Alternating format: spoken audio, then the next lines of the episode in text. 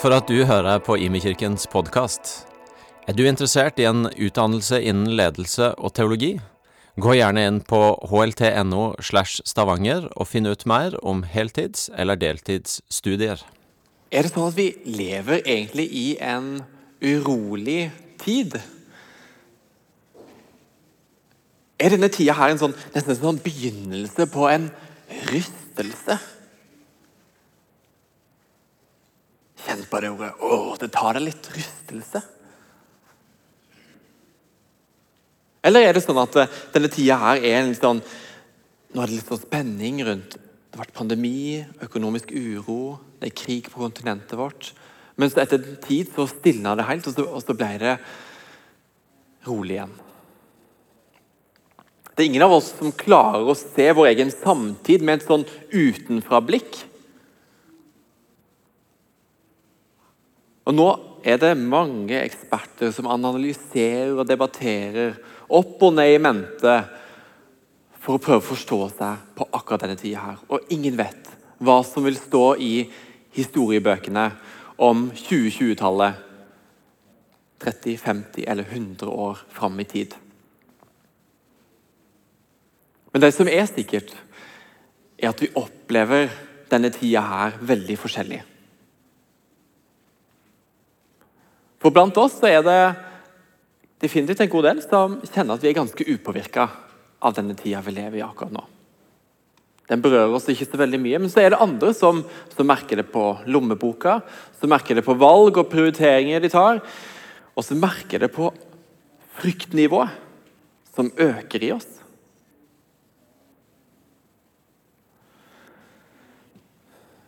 Men uansett hvor du er akkurat nå, hva du måtte kjenne på akkurat nå i denne tida, her, så er det jo sånn at utfordringer vil jo møte oss i livet, stort og smått, uansett. Og, og Rystelser de kan oppstå på, på, globalt nivå, på nasjonalt nivå, sånn som vi erfarer på noen områder nå. Men det kan òg oppleves personlig. Det er kanskje litt sånn dystert å si dette, her, men er det sånn at kriser har kommet for å bli? Ja, i hvert fall hvis du tenker helt siden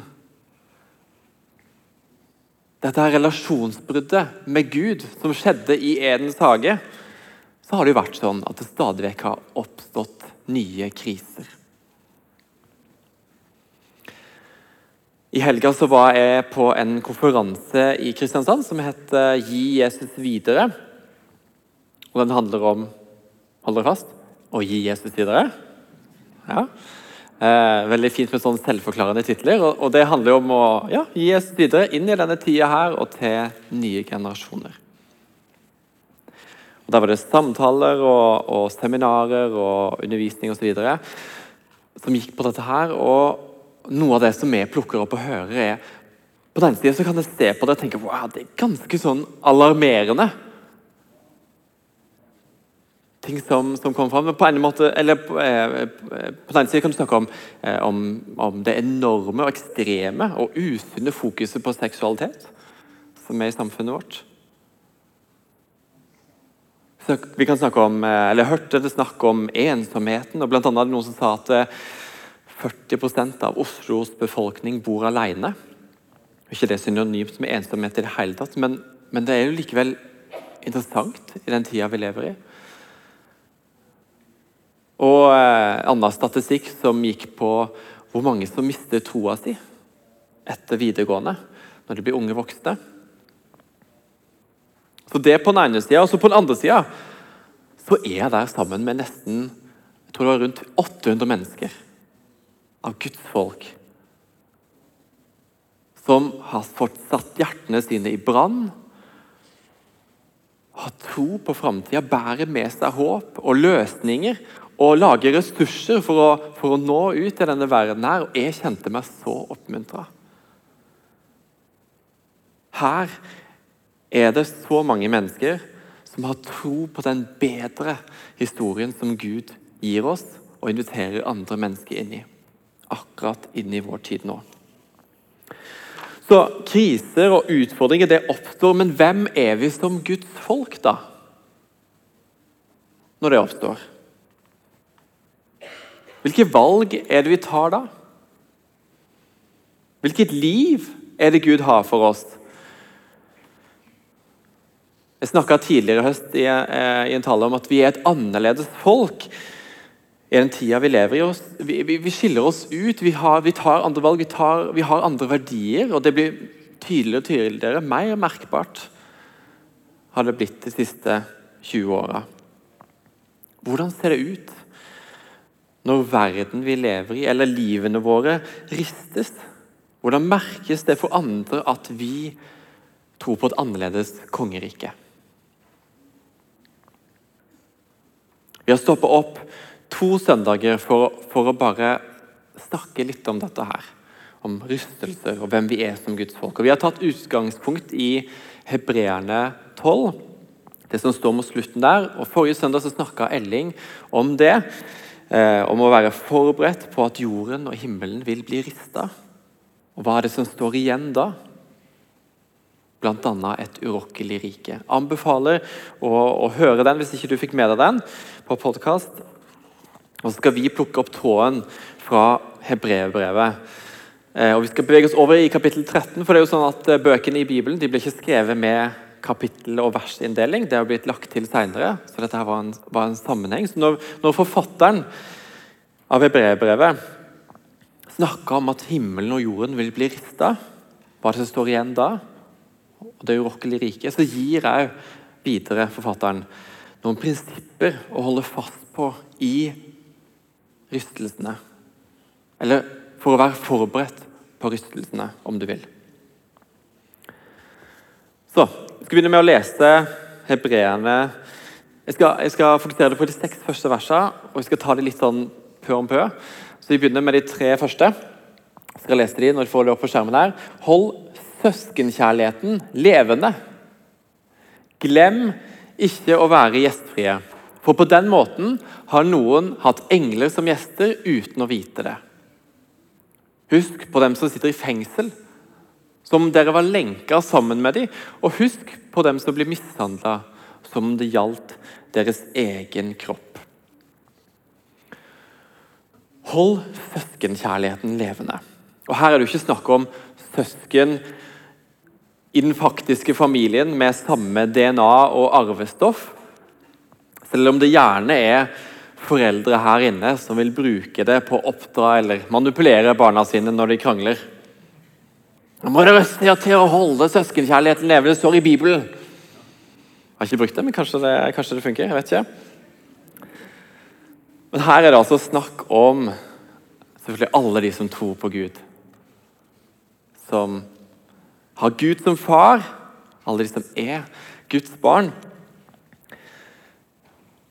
Og Derfor er vi òg brødre og søstre, hverandres brødre og søstre. Og kunne, vi kunne jo bare campa i akkurat det, for det der er jo superduper radikalt i vår individualistiske kultur.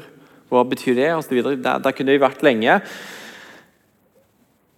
Og Her i IMI så bruker vi jo ganske flittig dette her begrepet familien. På forskjellige måter. Trosfamilien, menighetsfamilien, storfamilien. At vi er en familie, vi er Guds familie. Eh, og Det er jo ikke fordi at det er et helt sånn uproblematisk begrep å bruke. Og det er sånn at Når folk kommer inn dørene her, så erfarer de det umiddelbart. Det er ikke sånn. Men vi bruker det begrepet fordi Gud kaller kirka si for familie. Og jeg skal, jeg skal være, Kanskje noen tenker det er litt basic her, men la meg begynne med å være litt sånn konkret. For, for det første så handler det om, faktisk om å høre til. Og Stadig vekk så treffer jeg på menighetsløse mennesker. som Det kan være flere forskjellige grunner til at de velger bort menighet. og Noen er, grunner er bedre enn andre, eller mer forståelige enn andre. Og Samtidig så er det jo sånn at Gud har gitt oss en todelt kilde for å styrke og utruste og hjelpe oss mennesker i livet og i kriser. Og Den todelte kilden det er han sjøl og de andre barna hans.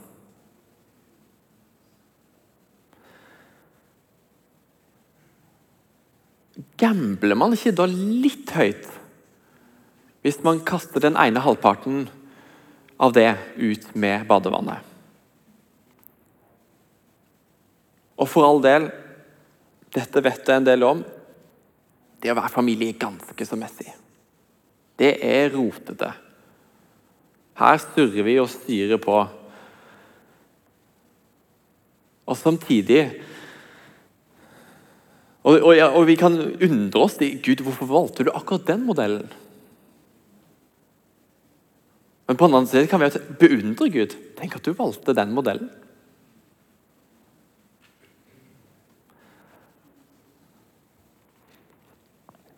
Og Jeg har lyst til å si helt sånn konkret til, til, du som er på besøk Vi er så glad for at du er Velkommen. Håper du kjenner deg til rette her. Hvis du tilhører et annet sted, en annen menighet til vanlig, velsigna være du. Og Hvis du vil tilhøre her, så er du så velkommen. Men så har jeg lyst til å si til, til du som kjenner at du hører til her, dette er din plass. Så jeg har lyst til å utfordre deg bare til å velge å helt konkret bli medlem. For på den måten å uttrykke at her hører jeg til. Fordi det er vanskelig for oss å, skille hvem er det som er på besøk, og hvem er det som hører til her. Så Det var bare en liten sånn parentesutfordring. Så Det første handler jo om å høre til, og det andre handler jo om å dukke opp.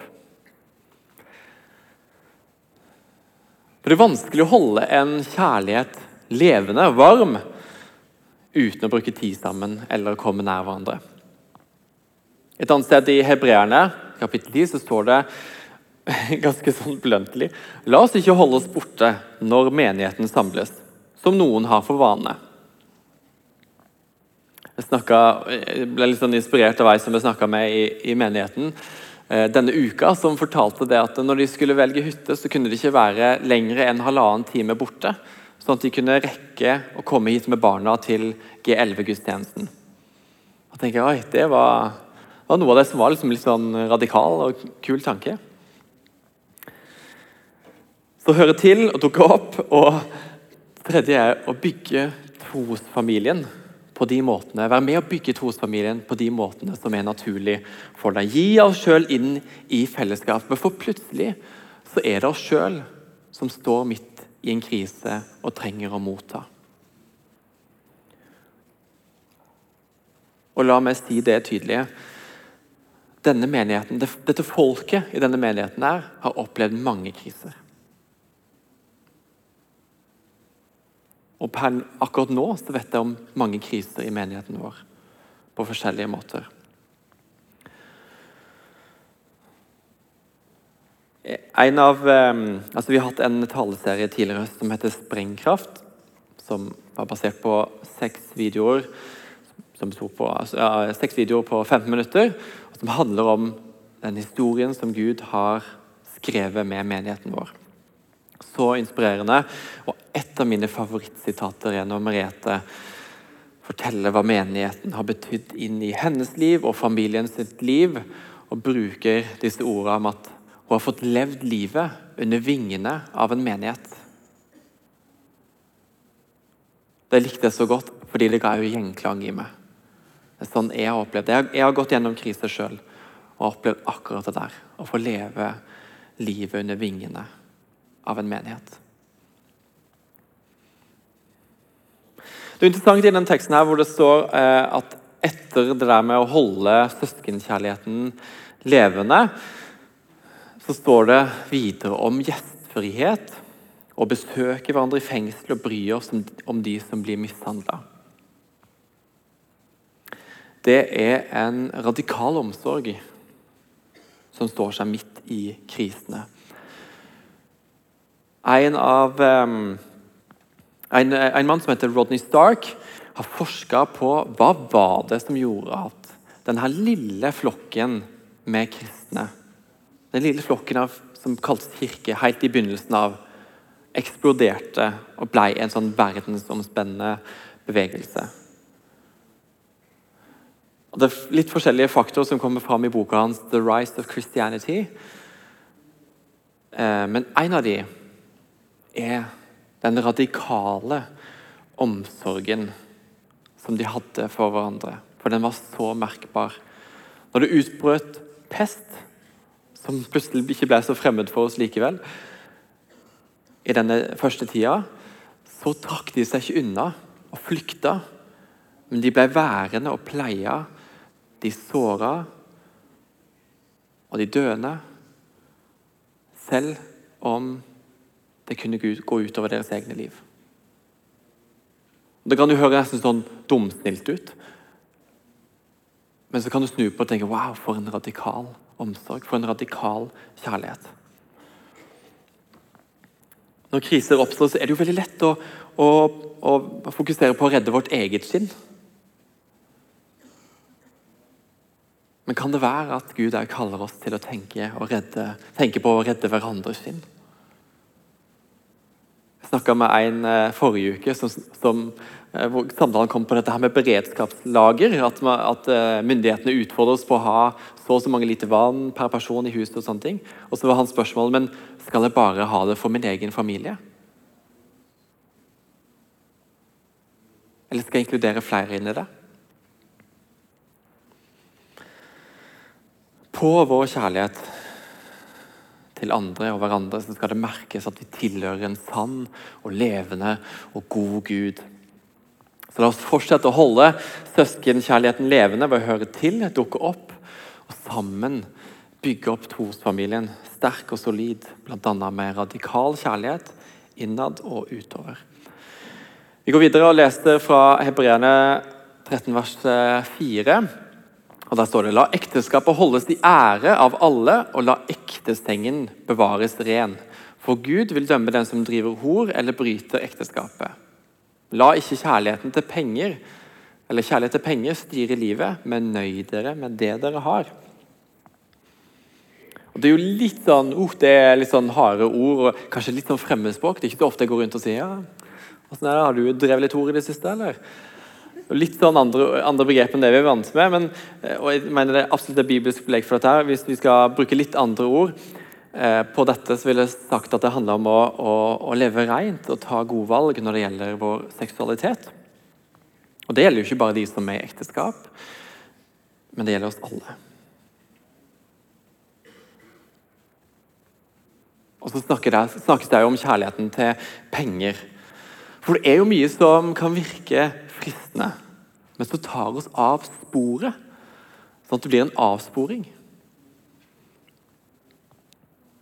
Jeg skal bare stoppe opp litt med disse to punktene her med seksualitet og penger.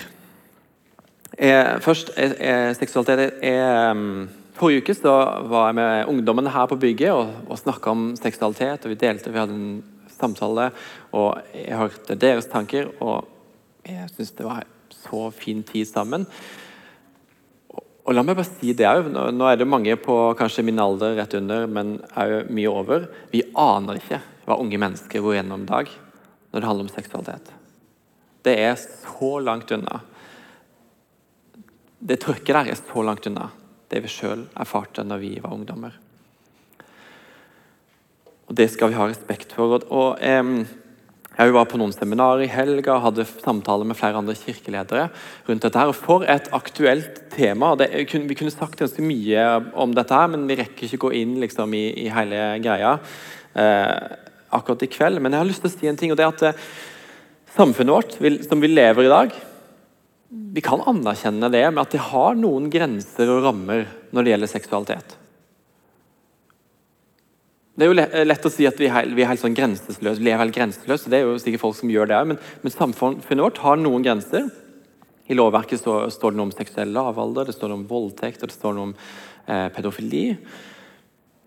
Og så har du òg normene, som vi merka veldig tydelig når denne metoo-bevegelsen kom fram. Alle stemmene som, som, eh, eh, som fortalte om at de hadde blitt krenka med ord og, og, og, fysisk i forhold til kropp og seksualitet. Og Samfunnet vårt reagerer med at det er ikke greit. på en eller annen måte. Så Vi har noen lover og vi har noen normer når det gjelder seksualitet. Og Samtidig så er det jo sånn at eh, det er en, er andre ting som er helt greit. Eh, ta f.eks. det som har med porno å gjøre. Veldig akseptert og utbredt i samfunnet vårt. Blitt veldig vanlig, blitt veldig ok på forskjellige måter. Og det til tross for at det er forskning som både sier noe om hvor, hvor skitten pornobransjen er, men òg hvordan, ikke minst hvordan porno skader vårt eget bilde av sex, kropp og relasjoner. Redd Barna hadde en undersøkelse annet på dette her, helt konkret. Hvordan porno skader, eller skada bildet på sex blant unge. Og det, det var um, mye som, som, kom fram der. Men uh, også, er det jo denne, denne Onlyfans-plattformen. Som er en sånn betalingsløsning for å kunne få, for, for å selge sin egen kropp, egentlig. På forskjellige måter vekker lyst i mennesker, og du kan kjøpe og betale det, og velge ut hva du vil ha, og sende bestillinger på hva du vil ha. Du, har, du kan gå til dating på ulike sjekkeapper som mange opplever vondt og sårbart, og at altfor ofte handler om, om sex. Og Du kan eh, trekke linje til kropp og kvinnehelse, som har vært veldig oppe i det siste. Hvordan vi eh, Fokus på flytte og endre og fikse på utseendet på forskjellige måter. Så det prøver å si litt sånn uavhengig av hva du måtte tro på, så kan vi zoome litt ut fra, fra samfunnet vårt.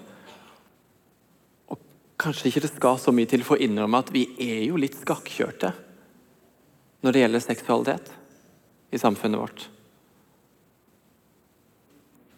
Er det sånn at samfunnet egentlig har de beste svarene? Når det gjelder seksualitet og kropp? Eller finnes det en annen og bedre historie? Trygdekontoret, som er en sånn eh, eh TV, et TV-program som har gått på NRK, de har nå starta med podkast. Den første episoden ble sluppet nylig og handla om porno. Og Da hadde de invitert inn ei som heter Lene, og som var innholdsprodusent på OnlyFans. Og den andre, blant, det var tre, men En av de andre var da Alexis Lund, som leder heiltfri.net, som er et sted som hjelper folk å bli kvitt pornoavhengigheten sin. Kristen mann eh, og, og, reiser rundt i mye kirkelandskapet for å snakke om seksualitet og porno osv. Og, og, eh, eh, og det er jeg snakka med Alexis i helga, eh, og han fortalte at eh, hans opplevelse var at stadig vekk så prøvde Thomas Seltzer å, få han til å bli liksom en litt sånn mørkemann. prøvde liksom å pushe han litt på forskjellige områder, men det sto ikke helt igjennom.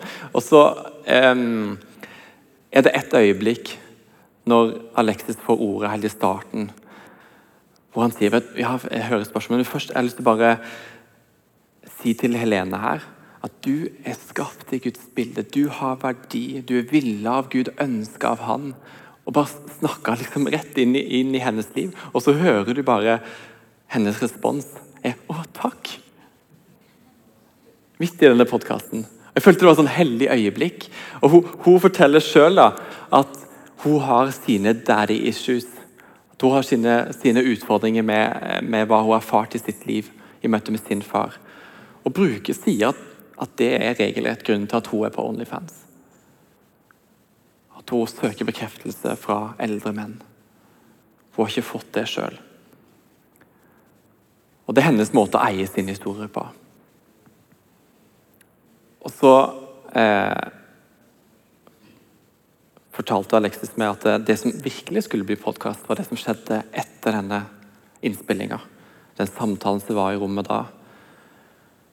Han fortalte at denne klemmen han, han hadde med Helene, den, var, den holdt henne unaturlig lenge. Og som gjør at jeg får litt sånn oh, Wow. Kan det være at kirka har en annen, bedre historie i samfunnet vårt? Og jeg kjenner og jeg har kjent det på en, en god stund at jeg har egentlig det, det kan være som Vi oppleves ganske pressa på dette området, men jeg kjenner at jeg er fullt av håp likevel. Fordi det oppleves så utrolig radikalt annerledes. Du kan gå til ganske mange ulike instanser i samfunnet vårt. Politi og helsesykepleiere og eh, psykologer og psykiatere som kan fortelle mange historier om hvor skakkjørt dette her med seksualitet er i samfunnet vårt, og hvordan det ødelegger og preger mennesker. Men her har vi faktisk som kirke en annen historie, en annen sannhet å gi.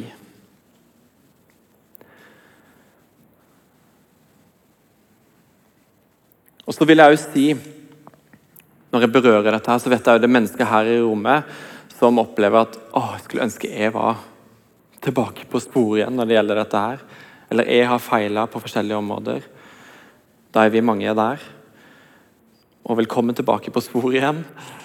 Du kan få søke ikke bare sannhet hos Gud, men også nåde. Han vil gi deg det. Og du skal få lov å søke sannhet. Og vi skal få lov å søke sannhet og nåde i fellesskap her.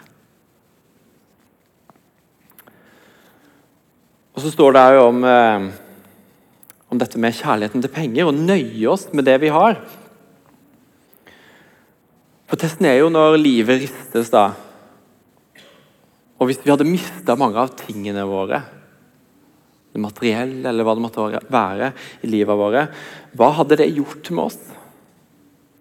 Hvem står vi igjen som da? Opplever vi litt sånn avkledd? Eller hadde vi, vår egen, hadde vi vår trygghet og identitet et annet sted?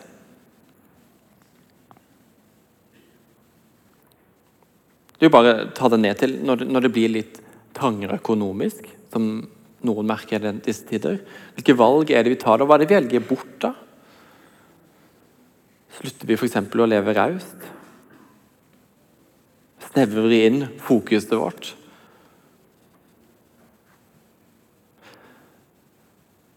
Det er i hvert fall spørsmål å tenke over og reflektere over. Og så eh, har jeg jo bare lyst til å si til dere i menigheten der Takk for rausheten deres. Vi har vært igjennom en eh, helt, fra, helt, fra 20, altså helt fra pandemien inntraff oss, fram til nå så har f.eks. de faste giverinntektene til menigheten her vært stabile. Og Det sier noe om at vi er et folk som har lyst til å holde fast på de valgene vi har tatt. Gjerne. Ok, jeg tror poenget er altså at vi, vi er invitert til å skinne et sterkt lys på flere områder hvor verden vår velger annerledes. Så la oss ikke spore av, men holde oss på den veien som Gud har for oss, som er god, òg når vi står i ulike utfordringer. Fortsetter med hebreerne 13,5, hvor det står For Gud har sagt, jeg svikter deg ikke og forlater deg ikke. Derfor kan vi tillitsfullt si Herren er min hjelper, jeg frykter ikke. Hva kan mennesker gjøre meg? Jeg fikk denne første delen av, av bibelverset fikk jeg av en kristen lærer når jeg var 17 år.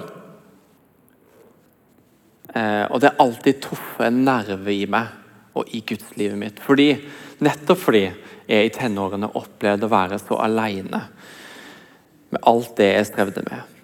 Og Jeg hadde opplevd så mange ganger å svikte Gud og forlatt Han.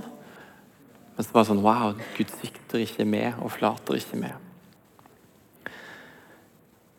Og Så står det videre her at 'Herren er min hjelper, jeg frykter ikke'. Dette er jo på mange måter en sånn bekjennelse og bønn men det er jo en, en sånn sannhet for oss, et løfte, inn i nåtida. For vi bombarderes stadig vekk fra forskjellige vinkler med ulike nyheter og fakta som kommer fra ulike steder, eksperter hva det måtte være, som lett kan skape frykt i oss, uten kanskje vi sjøl merker det. Det kan skje gradvis.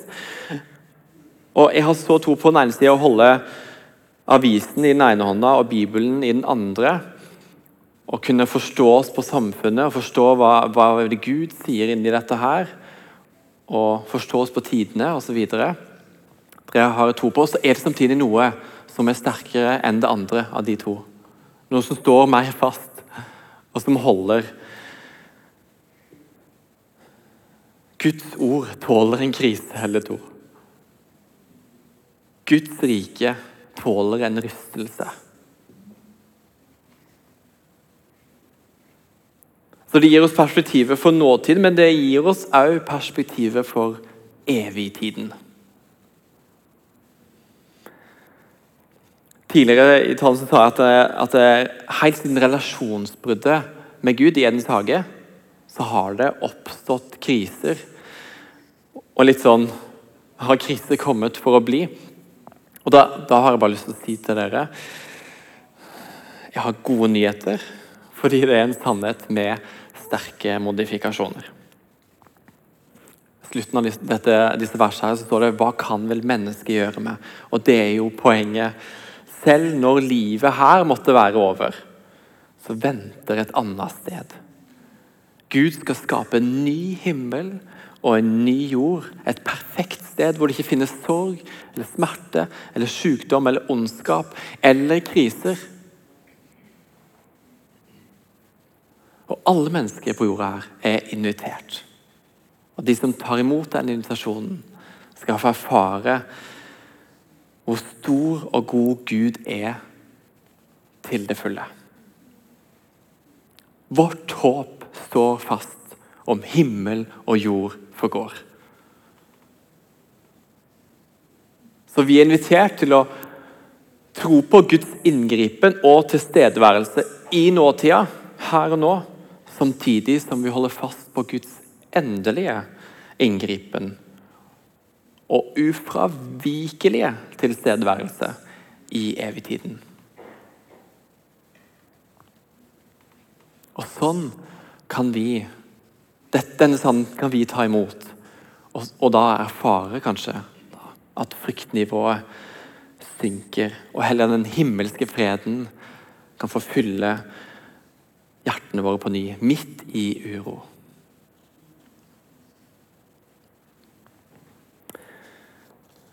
Jesus har fortalt oss i Matteus 5 at vi er lys og salt. Han sa til disiplene, sier han til oss som tror på han og følger etter han i dag. Vi er jordens lys og salt. Og Kona mi hun gjorde meg oppmerksom på at det i en bibeloversettelse som heter The Message, så står det at vi er kalt til å være salte. Den engelske oversettelsen står salte som 'brings out the God flavors of this earth'. Som får ut smaken av Gud her på jorda et kult perspektiv. Og så står det om, eh, om saltet at det eh, It's bringing out the Nei, om lyset, sorry. Om lyset står det at It's bringing out the God colors in this world. Det får ut gudsfargene. Får fram Guds farger i denne verden her. Da snakker vi dere. Hæ? Da snakker vi dere. Så midt i om det måtte være en rystelse, eller om midt i en krise eller utfordring, eller hva det måtte være, så er det en invitasjon til å huske på det, at du er jordens lys og salt. Og skal få være med og bringe ut gudsfargene og gudsmakene. Få fram gudsmakene på denne jorda her.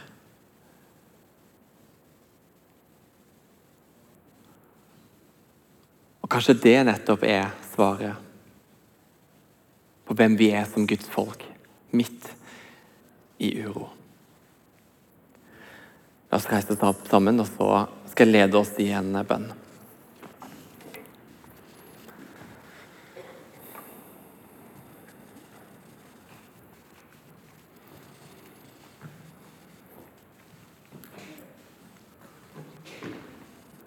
God far, jeg har lyst til å takke deg for at du er du. At du står fast, at du er den samme. Ja, helt til evig tid. Takk for at vi får tilhøre deg. Og takk for at du preger oss og våre liv, at vi får tro på dine sannheter. At det får sette oss fri. Kom, Hellige Ånd, og fyll oss opp. Enten vi erfarer at vi står midt i en krise eller uro nå på en eller annen måte, eller du vil forberede oss på hva som måtte komme senere i livet. Fyll oss opp med din ånd.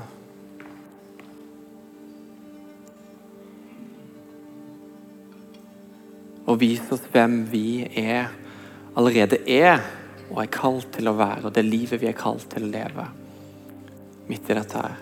For du har den bedre veien for oss, og det vil vi være på sporet av.